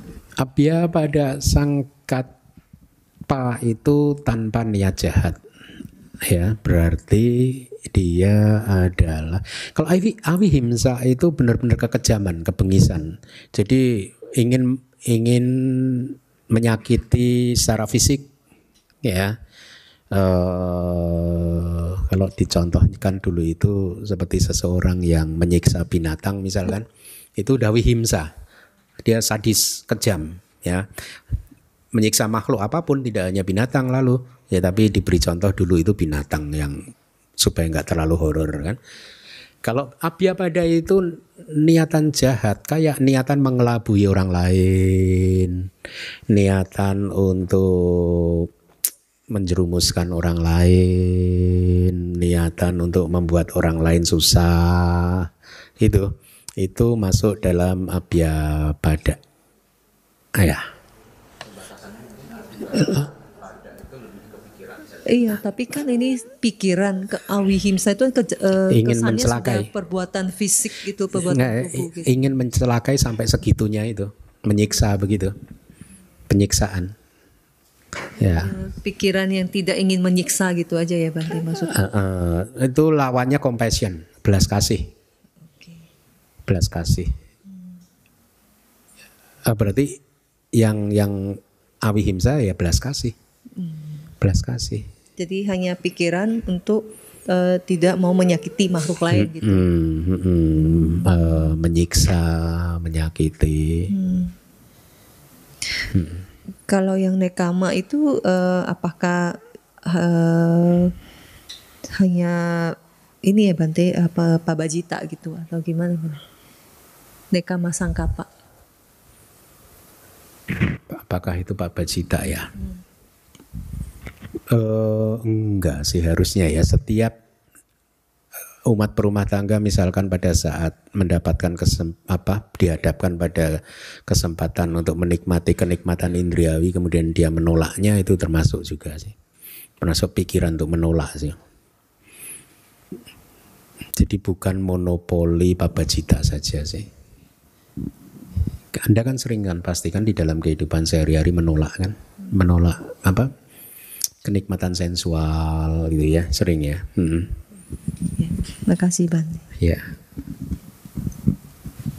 Silakan pertanyaan lain. Ya, selamat malam Bante. Uh, saya mau tanya soal tadi kan ada yang uh, duga uh, terakhir di alam yang menderita misalnya uh, saya terikat pertanyaan ada yang misalnya di alam neraka itu uh, makhluk-makhluk kan ada yang di ada yang menderita ada yang disiksa terus nah, pertanyaannya ada pertanyaan, saya dengar ada pertanyaan ada yang bertanya uh, makhluk-makhluk itu yang menyiksa itu dari mana gitu maksudnya? Maksudnya makhluk itu terlahir uh, yang menyiksa makhluk yang kita menderita itu? Hmm Eh seperti itu. Iya. Mohon penjelasan. Maksudnya siapa yang menyiksa? Makhluk itu dari mana gitu? Oh makhluk itu sebenarnya kan sama kan di dunia manusia juga terjadi kan? Satu manusia menyiksa manusia yang lain kan? Ya enggak? Jadi itu itu satu kemungkinan. Ya mereka memang makhluk biasa aja yang bertugas menyiksa, memang menyiksa seperti di di zaman kerajaan dulu ada Algojo juga kan? Margojo yang diperintahkan oleh raja untuk menyiksa kan? Mirip kan? Mirip logikanya mirip. Tapi ada juga cerita yang kedua. Variasinya adalah begini. Uh, saya lupa. Dia bukan di neraka sih. Harusnya dia yaka gitu ya. Makhluk apa ya kayak uh, bukan di neraka. Jadi dia makhluk yaka gitu. Karena buah dari karma buruknya maka dia eh, selama matahari itu terbit dia hidup normal di um, bumi atau di alam kelahirannya normal. Tapi begitu matahari tenggelam, tiba-tiba dia seperti dikejar oleh makhluk lain gitu ya. Terus ditenggelamkan di danau dan lain sebagainya seolah-olah seperti itu. Tapi dijelaskan di kitab itu sesungguhnya adalah buah dari karma buruknya sendiri. Makhluk yang mengejar-ngejar itu sesungguhnya juga sebenarnya hanya hanya hanya ciptaan dari pikirannya sendiri gitu. Dia tersiksa oleh buah karma buruknya sendiri yang diciptakan oleh pikirannya sendiri. Jadi bukan makhluk yang nyata juga. Nah, itu ada, ada terjadi, ada dalam satu cerita. Jadi begitu matahari tenggelam sampai matahari terbit besoknya dia semalaman itu tersiksa terus, dikejar-kejar terus, disiksa oleh satu makhluk yang sesungguhnya itu adalah ciptaan pikirannya sendiri yang uh, mewakili mata masaknya buah uh, kar masaknya karma yang buruk gitu. Itu ada. Jadi begitu variasinya. Ada dua. Ada di kitab apa gitu? Nah saya lupa. Itu cerita itu lupa. Lupa. Nanti coba saya ingat-ingat. Itu saya dapatnya waktu masih belajar di Myanmar dulu kok. Hmm. masih benar hmm. Hah? Uh, ada yang bertugas untuk menyiksa itu kitab subkomentar ya kayaknya versi begitu tapi itu kayaknya sangat lemah sih. Kalau di kitab komentar kayaknya enggak seperti itu sih. Itu saya rasa sudah tercampur dengan budaya-budaya belakangan sih. Kayak, yang menyiksa di neraka gitu kan? Menurut saya itu udah bercampur dengan budaya belakangan sih. Hah? Yang mana? Cerita yang mana? Yang tadi, yang saya sampaikan tadi. Saya lupa entah di peta peta waktu itu ceritanya juga banyak sih ya. Pernah baca yang begitu di peta waktu ada? Hah? Serigala ya, mungkin serigala ya. Nah, coba kalau ketemu di share. Saya agak lupa itu karena itu waktu saya dapat waktu di waktu masih belajar dulu. Ya mungkin, ya dikejar serigala, iya benar kayaknya sampai ke kecebur di kolam di ini ada cerita-cerita gitunya. Mungkin di peta waktu itu. Ya? Menjawab? Hmm. silahkan ada pertanyaan lagi? Kalau belum ada mungkin saya sedikit menginformasikan bahwa minggu depan uh, di kelas Pariyati kita akan kedatangan uh, Asin Cakapala uh, tanggal 17 Maret tepatnya. Jadi pastinya nanti kita akan juga informasikan kembali mengingatkan dari bisi uh, Dhammawiari uh, Budi Studies yang biasa kita akan teruskan. Pastinya diharapkan kehadiran kalian minta juga di tanggal 17 Maret hari Minggu. Ada lagi yang mau bertanya?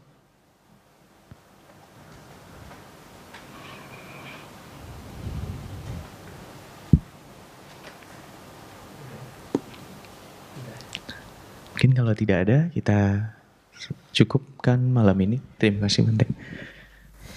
Baik, karena saya juga percaya sih pelajarannya mudah buat Anda. Tapi seperti yang saya sampaikan di kelas yang pertama dulu, meskipun ini kelihatannya mudah, Anda harus menghafalnya. Nanti Anda akan merasa terkejut pada saat ternyata perspektif Anda terhadap ajaran Buddha semakin luas dengan memahami hal-hal ini. Yang paling tidak sekarang Anda sudah tahu kan kondisi seperti apa yang disebut anusaya, asawa dan seterusnya ya. Jadi manfaatnya besar. Itu yang dulu saya rasakan. Meskipun kelihatannya mudah tapi jangan dipandang sebelah mata, Anda harus menghafalnya juga.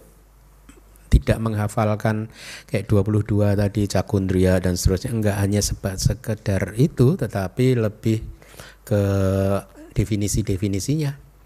Ya Anda harus tahu kenapa disebut asawa kenapa disebut anusaya itu. Definisi itu Anda Anda pahami karena Anda nanti akan sering ketemu di suta juga. Ya di suta pitaka term-term atau istilah-istilah tadi itu bertebaran di sana sini gitu ya. Makanya um, sering saya katakan kan mereka yang paham abidama pasti akan bisa menikmati cita rasa suta dengan lebih baik lagi di, uh, lebih baik dibandingkan mereka yang nggak paham abidama gitu ya. Pasti cita rasanya lebih nikmat ketika anda menikmati suta dengan lidah abidama. Setuju nggak? Setuju ya. Uh, ya tanpa kita sadari proses belajar kita sudah hampir selesai bab 9 ya. Dari bab yang tersisa berarti bab 8 dan bab 9 hanya tinggal satu bab yang susah. Anda sebentar lagi terbebas dari kesulitan. bab 8 susah, paling susah di antara 9 bab ya, itu paling rumit, paling sulit itu adalah bab 8, tapi bab 9 menarik lagi. Ya. Makanya saya sering Acarya Anuruddha ini entah di setting dari awal atau tidak. Beliau menyusun babnya itu sedemikian rupa sehingga mahasiswa itu sempat ambil nafas dulu. Ya, bab satu kan enak ya. Di dikasih teaser dulu enak. Begitu bab dua loh agak susah ya. Bab tiga agak mudah ya kan? Bab empat loh susah. Bab lima mudah. Bab enam loh susah. Bab tujuh ah, lumayan ya enak ya. Bab delapan Duh, jadi lihat, jadi dulu saya berpikir ini acara ya udah sengaja atau apa ini? Kok sedemikian rupa, tetapi sebenarnya meskipun apa diselang-seling begitu nyambung gitu antara satu dan yang lainnya itu nyambung gitu. Ya, Anda udah rasakan kan bab satu sampai bab tujuh sekarang itu kan. Puzzle-puzzlenya itu nyambung-nyambung enak enak banget. Makanya kita itu sangat mengagumi kami para biku itu eh, sangat mengagumi Acarya Anuruddha. Ya tapi walaupun ya Abhidhamma Sanggaha itu karya monumental yang fenomenal maksud saya ya dia usianya udah 1500 tahun dan sampai sekarang gini Abhidhamma Sanggaha, eksistensi Abhidhamma Sanggaha bisa eksis sampai hari ini dan masih dianggap sebagai kitab utama, kunci utama untuk membuka gudang Abhidhamma Pitaka itu bukannya tanpa tantangan loh. Sejak muncul itu tantangannya banyak loh. Ada kitab yang mencoba lagi mengcounter enggak enggak ini tetap aja ketenarannya itu sampai sekarang gitu.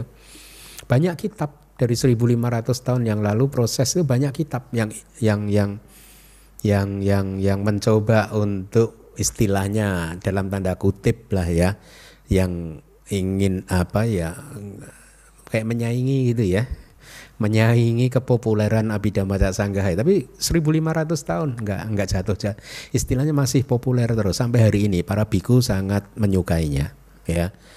Eh termasuk di Myanmar pun kan banyak juga beberapa kitab muncul di Myanmar. Tapi tetap saja sampai hari ini kitab Abhidhamma Sangga adalah kitab yang wajib dihafal oleh mereka yang sedang menempuh jenjang pendidikan untuk mencapai Dhamma Acarya hanya kitab Abhidhamma Sangga dan Wibawinitika gitu Ya, jadi kembali lagi yang brilian dari Acarya Anuruddha adalah mampu memeras Abhidhamma Pitaka yang sangat luas hanya menjadi sekitar 50 halaman buku yang kecil. Ya. Tapi oleh karena dia hanya perasan yang sangat kompak begitu, sangat ringkas sekali begitu, makanya dibutuhkan subkomentar. Tidak bisa kita mempelajari Abhidhamma Sangga tanpa dibimbing atau dipandu oleh subkomentar Makanya kita harus mempelajari melalui Wibawini Dika ya. Saya sih berencana nanti setelah selesai buku manual Abhidhamma yang sampai ke 9 saya akan terjemahkan karya monumental atau fenomenal dari Lady Sayadaw juga yaitu uh, sorry para mata di peni itu juga fenomenal buku itu menarik. Saya sudah membaca sebagian tetap uh, buat saya menarik hanya saja karena buku ini sangat istilahnya kalau dibaca oleh seseorang yang tidak pernah belajar abidama seperti Anda saat ini akan terlalu berbahaya. Jadi ini ada bahayanya buku ini. Saya juga kadang berpikir saya terjemahkan enggak ya para mata dipani ini. Karena kalau enggak, kalau dibaca orang yang enggak pernah belajar secara benar akan disalah tafsirkan. Itu harus ada guru para mata dipani ini nggak nggak nggak boleh belajar sendiri. Atau bahkan tidak boleh langsung baca para mata dipani tanpa belajar terlebih dahulu abidama tak sanggaha dan penjelasan dari Wibawinidika ya atau sebelum membaca manual abidama nggak boleh. Karena terlalu berbahaya. Ya terlalu berbahaya. Kenapa? Karena Lady Sayadaw men-challenge uh, Wibawinidika ya kalau orang yang pengetahuannya tidak komprehensif tidak lengkap dia akan terbawa arus. Saya saja kan mengkuat buku para mata Dipani kan nggak banyak kan itu pun yang inline kan. Saya katakan yang inline dengan dengan dengan uh, Wibawinidika kan.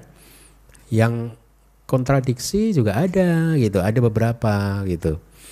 Yang membuat kadang saya berpikir ini kalau saya terjemahkan nanti jangan-jangan sadanya umat malah rusak ini. Tetapi demi ilmu kan harus diterjemahkan. Demi ilmu ya, karena ini karya monumental yang memang harus diterjemahkan begitu.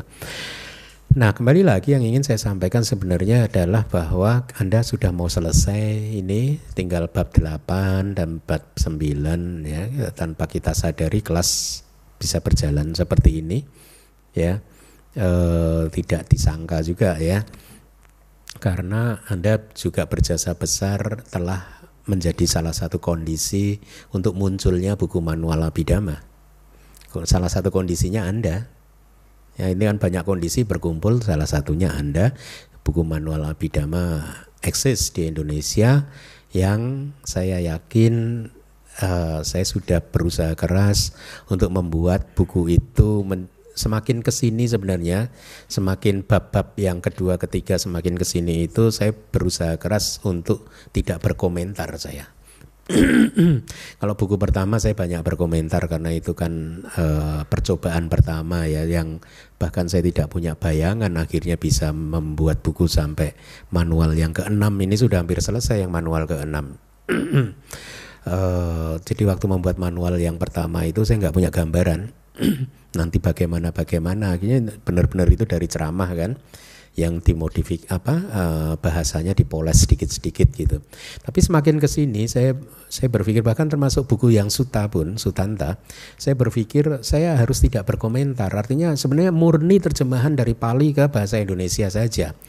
Tapi walaupun demikian, waktu menerjemahkan buku Sutanta yang kedua yang mau terbit sebentar lagi, ini satu bulan, satu setengah bulan lagi itu, ternyata menurut komentar beberapa umat, maknanya masih terlalu sulit untuk dipahami. Ya akhirnya saya berkompromi lagi, saya beri footnote, footnote, footnote untuk membantu pembaca. Tapi sebenarnya dari hati saya yang paling dalam, saya pengennya tidak sama sekali tidak. Gitu.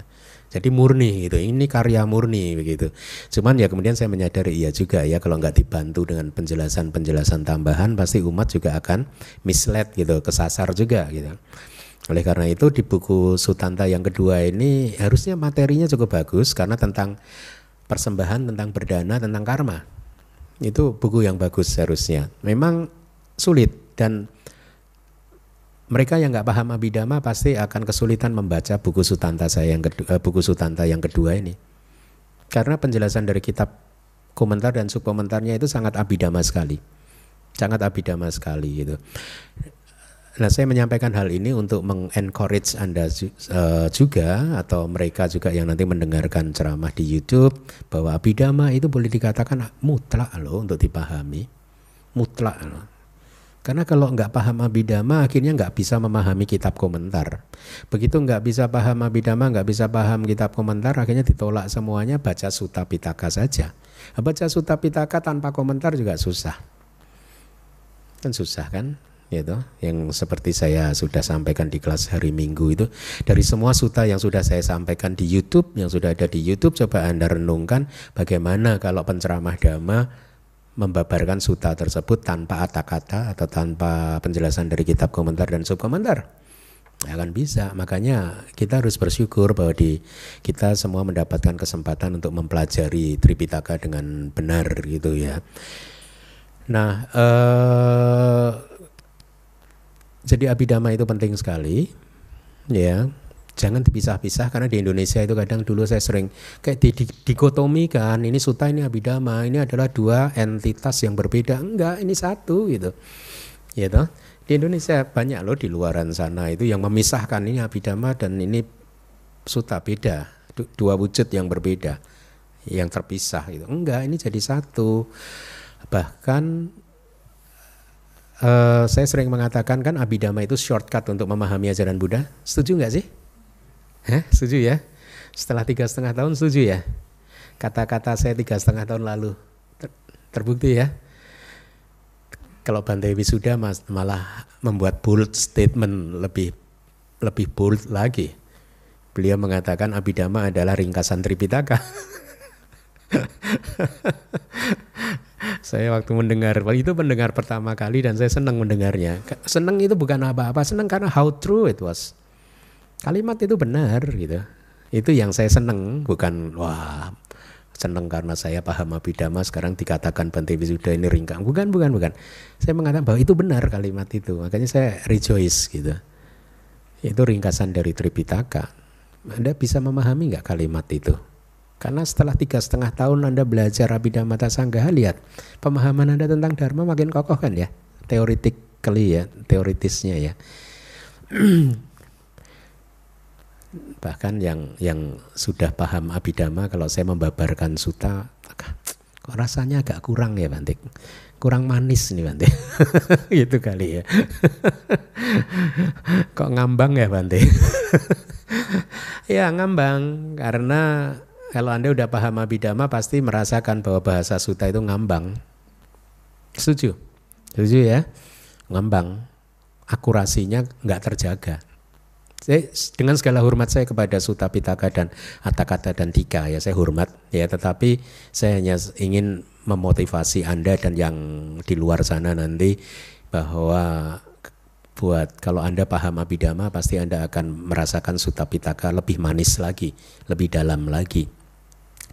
Makanya saya do saya kan dulu waktu mengatakan waktu ditanya oleh umat dari luar negeri ditanya uh, atau dia membuat statement penanyanya itu membuat statement bahwa menurut dia nggak perlu paham nggak perlu belajar abidama gitu.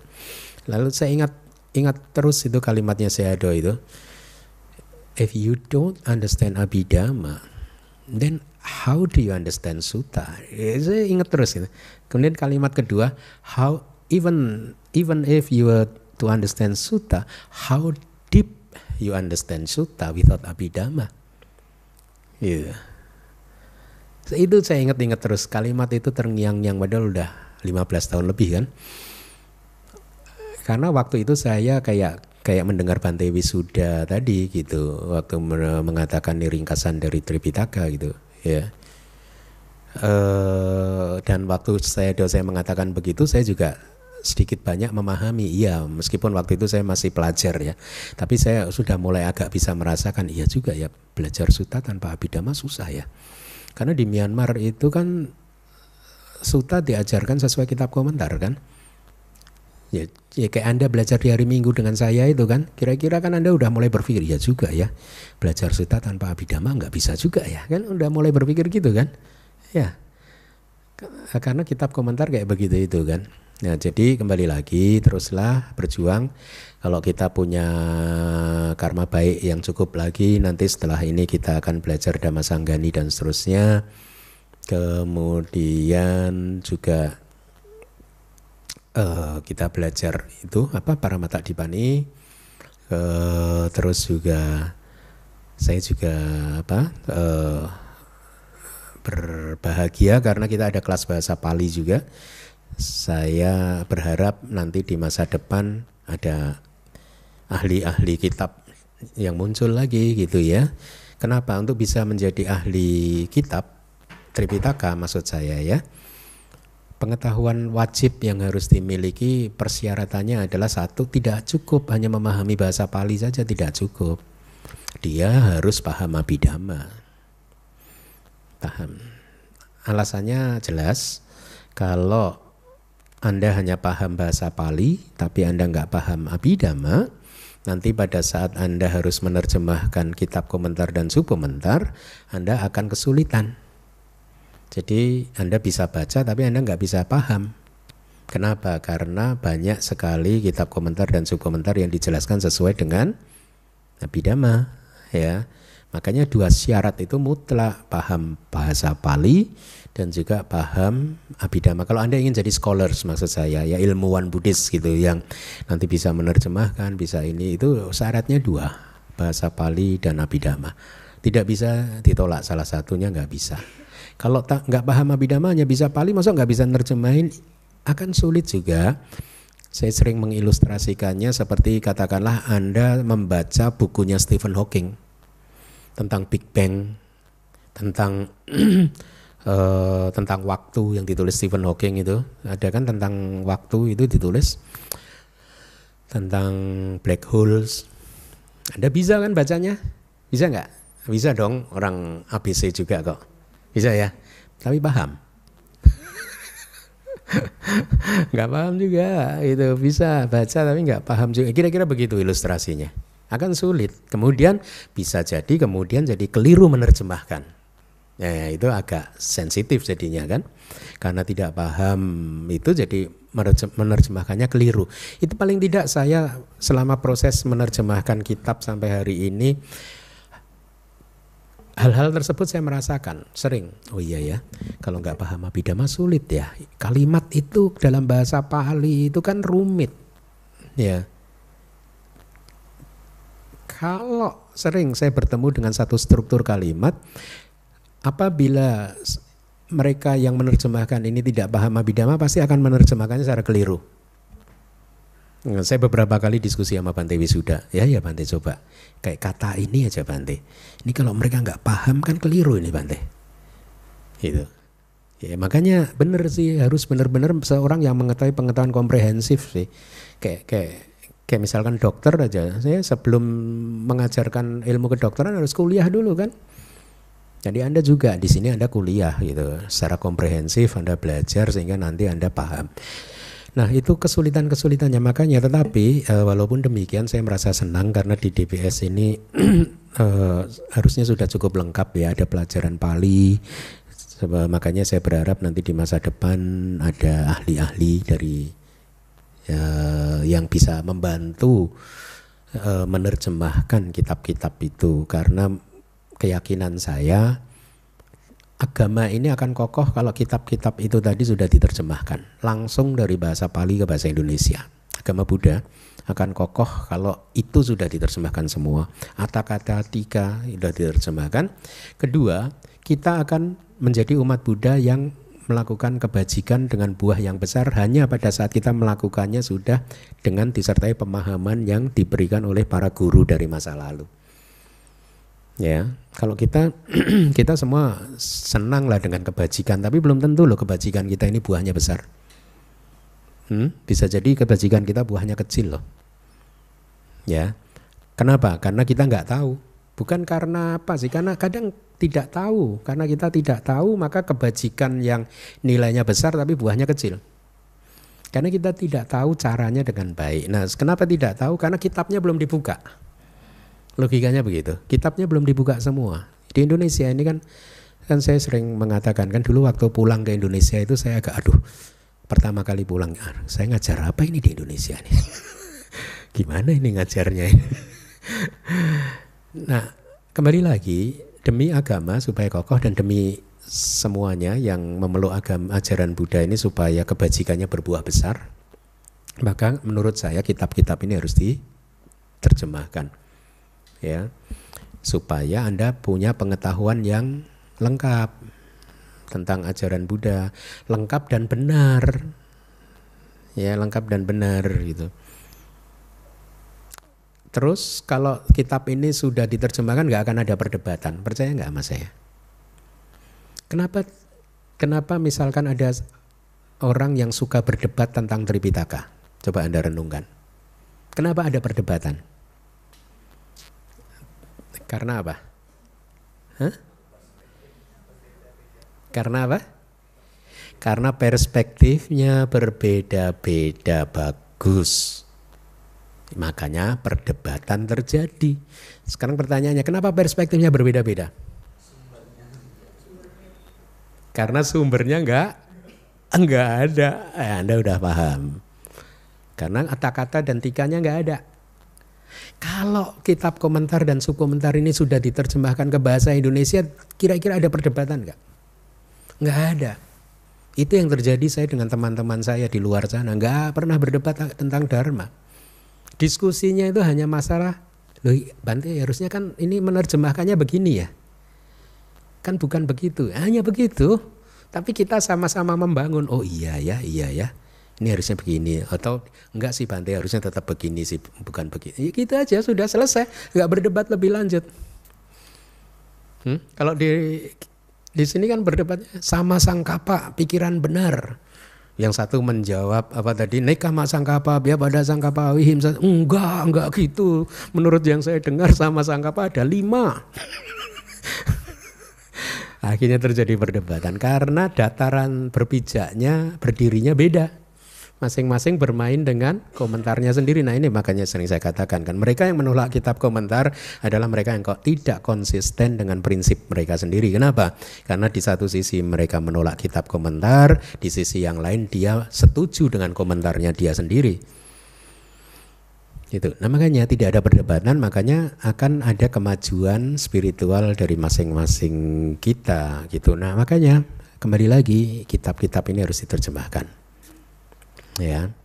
Tapi untuk bisa selesai menerjemahkan semua kitab ini, uh, ini kerja tim sih, tim besar sih. Di Myanmar semua kitab sudah diterjemahkan, tapi itu memakan proses lebih dari seribu tahun. Hmm? Makanya kalau saya mengatakan kondisi kita ini untuk bisa menyamai itu mungkin juga butuh proses seribu tahun bayangkan. Bu, tidak berlebihan loh kalau saya mengatakan mungkin seribu tahun lagi baru seperti itu gitu. Nggak berlebihan loh. Karena kalau satu orang saja katakanlah saya hidup 20-30 tahun lagi berapa buku lagi yang saya bisa produksi? Nggak banyak. Hanya satu buku itu hanya terdiri dari 3-4 suta. Setahun hanya dua buku 8 suta. Lalu suta itu ribuan saya juga nggak mungkin dong 20-30 tahun nerjemahin terus enak aja. Nanti Anda yang meneruskan gitu. Jadi lihat, terus setelah itu siapa lagi yang bisa melanjutkan proyek itu? Belum tentu dalam 10-20 tahun ada lagi misalkan atau kalau fatal malah 100 tahun nggak ada lagi. Nunggu 100 tahun kedua. Akhirnya sampai 1000 tahun loh ya jadi tidak berlebihan kalau saya katakan untuk bisa menuju ke arah situ kita membutuhkan waktu 1000 tahun katakanlah begitu ya. Itu hanya for the sake of ya untuk ini aja untuk bicara aja. Jadi eh, anda bersyukur karena tidak mudah untuk mendapat kesempatan seperti ini ya mempelajari Tripitaka dan sesuai dengan kitab komentar dan subkomentarnya maka pesan saya kepada Anda atas semua yang sudah dipelajari dan buku-buku yang sudah terbit pelajari dengan baik ya. Sayang kalau enggak ya karena kehidupan ini sangat berharga. Kalau Anda tidak mengalami kemajuan apa pun rugi loh. Untuk dapat seperti ini lagi yang susah ya. Artinya dengan kata lain meskipun sulit untuk memahami nggak apa-apa ya ingat cerita kelelawar kan ingat uh, itulah itu jadi motivasi motivasi anda itu juga jadi motivasi saya kok. Saya sering mengatakan kan di masa-masa awal belajar Anda bayangkan ya saya ini kan masuk ke Myanmar nol kan, nggak paham apa-apa. Jadi artinya pasti saya sudah melewati proses-proses di mana saya berada dalam situasi yang sulit. Pasti dong, ya, untuk mempelajari itu. Tapi saya ingat persis dalam perjalanan saya itu saya sering memotivasi diri saya sendiri gitu. Sehingga akhirnya saya tetap teguh begitu. Untuk saya apa pun yang diajarkan saya saya harus kuasai gitu. Nah anda harus begitu ya nah dulu misalkan misalkan yang paling sederhana karena mungkin anda juga ragu, ada mengalami hal yang sama yang akan saya ceritakan misalkan ini benar nggak sih ini ajaran Buddha kayaknya ini bukan anda ada yang pernah berpikir begitu anda Hah? kalau anda ragu cara memotivasinya saya beritahu kalau ini nggak benar, bukan ajaran Buddha, kenapa bisa bertahan 2600 tahun sampai hari ini? 2500 tahun lebih. Artinya ini sudah melewati proses 2500 tahun lebih. Dan selama 2500 tahun lebih ini ada jumlah anggota sangga kira-kira berapa? Tidak terhitung kan? Di Myanmar aja waktu saya masih di sana itu 600 ribu tahun itu. Jadi selama 2500 tahun ini anggota sangga yang sudah pernah eksis di muka bumi ada berapa jumlahnya? Miliaran mungkin katakanlah, ratusan juta katakanlah, ya. Nah, logikanya begini. Katakanlah ada 100 juta. Kalau ini bukan ajaran Buddha, mosok 100 juta anggota sangga yang sudah pernah eksis itu nggak ada yang tahu. Malah yang tahu Anda.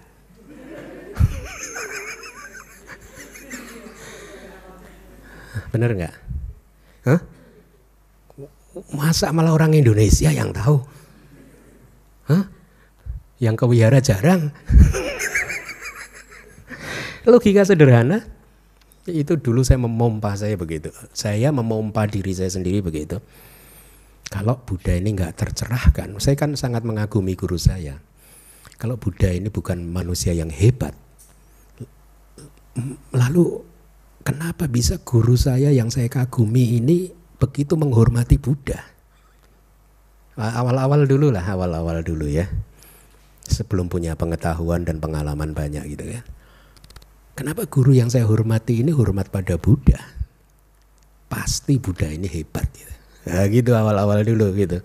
Jadi kita harus memompa diri kita sendiri begitu. Sayang sih kehidupan sebagai manusia kalau berlalu begitu saja tanpa pernah berkembang pariyati Anda. Ya. Tetapi kan tujuannya pati-pati, iya pati-pati itu fondasinya pari, pariyati. Ya. Jadi begitu, teruslah bersemangat untuk belajar ya. Hmm, karena kan ada yang mengatakan begini juga. Nggak perlu lah belajar terlalu detail begitu kenapa sih harus begini begitu begitu? Ada hmm, dari dulu itu selalu ada yang begitu kan gitu. Kalau ada yang bertanya kepada saya biasanya saya jawab memangnya belajar jelek kan belajar itu juga satu kebajikan. Jadi anda mendengarkan dhamma dua jam begini anda mengumpulkan kebajikan loh. Hmm? kenapa harus dihindari? Ya dengan mengatakan ah nggak perlu lah belajar belajar begitu. Loh itu kebajikan loh. Nggak perlu boleh nggak perlu belajar asal setiap hari Sabtu jam 7 sampai jam 9 Anda meditasi. Boleh nggak usah ke DPS untuk mendengarkan ini tapi kalau jam 7 sampai jam 9 nonton sinetron ya mending ke DPS jauh lebih berharga ini kebajikan yang buahnya bisa besar loh buahnya bisa besar loh. Buah besar itu kayak apa sih? Siapa tahu ya di kelahiran depan karena kebajikan ini yang Anda dengarkan di kehidupan yang sekarang berbuah. Anda tiba-tiba alarmnya berbunyi umur 20 pengen jadi biku atau seale dan setelah satu tahun mencapai jana. Setelah ya, itu buah besar. Hmm? buahnya besar. Atau sekarang bahkan berbuah besarnya. Anda bisa mencapai jana maga pala kan perlu perlu kondisi. Ya, kondisinya harus besar. Mosok mencapai jana kondisinya nonton sinetron mana bisa nonton sinetron kondisinya nggak sesuai ya Jadi nggak ada ruginya ya karena ini adalah kebajikan. Jadi belajar yang begini itu pasti ini adalah perbuatan baik yang semoga berbuah besar. Baik, jadi saya hanya mengisi waktu supaya tetap sampai jam 9. ya, udah jam 9 kita cukupkan. Terima kasih. Mari kita tutup kelas ini ikuti saya. Idang me punyang. Asawa kaya wahang. Hotu idang me punyang. Nibanasa pacayo. Hotu mama punya bagang. Sabasatanang pacemi te sapi me samang punya bagang labantu sadu.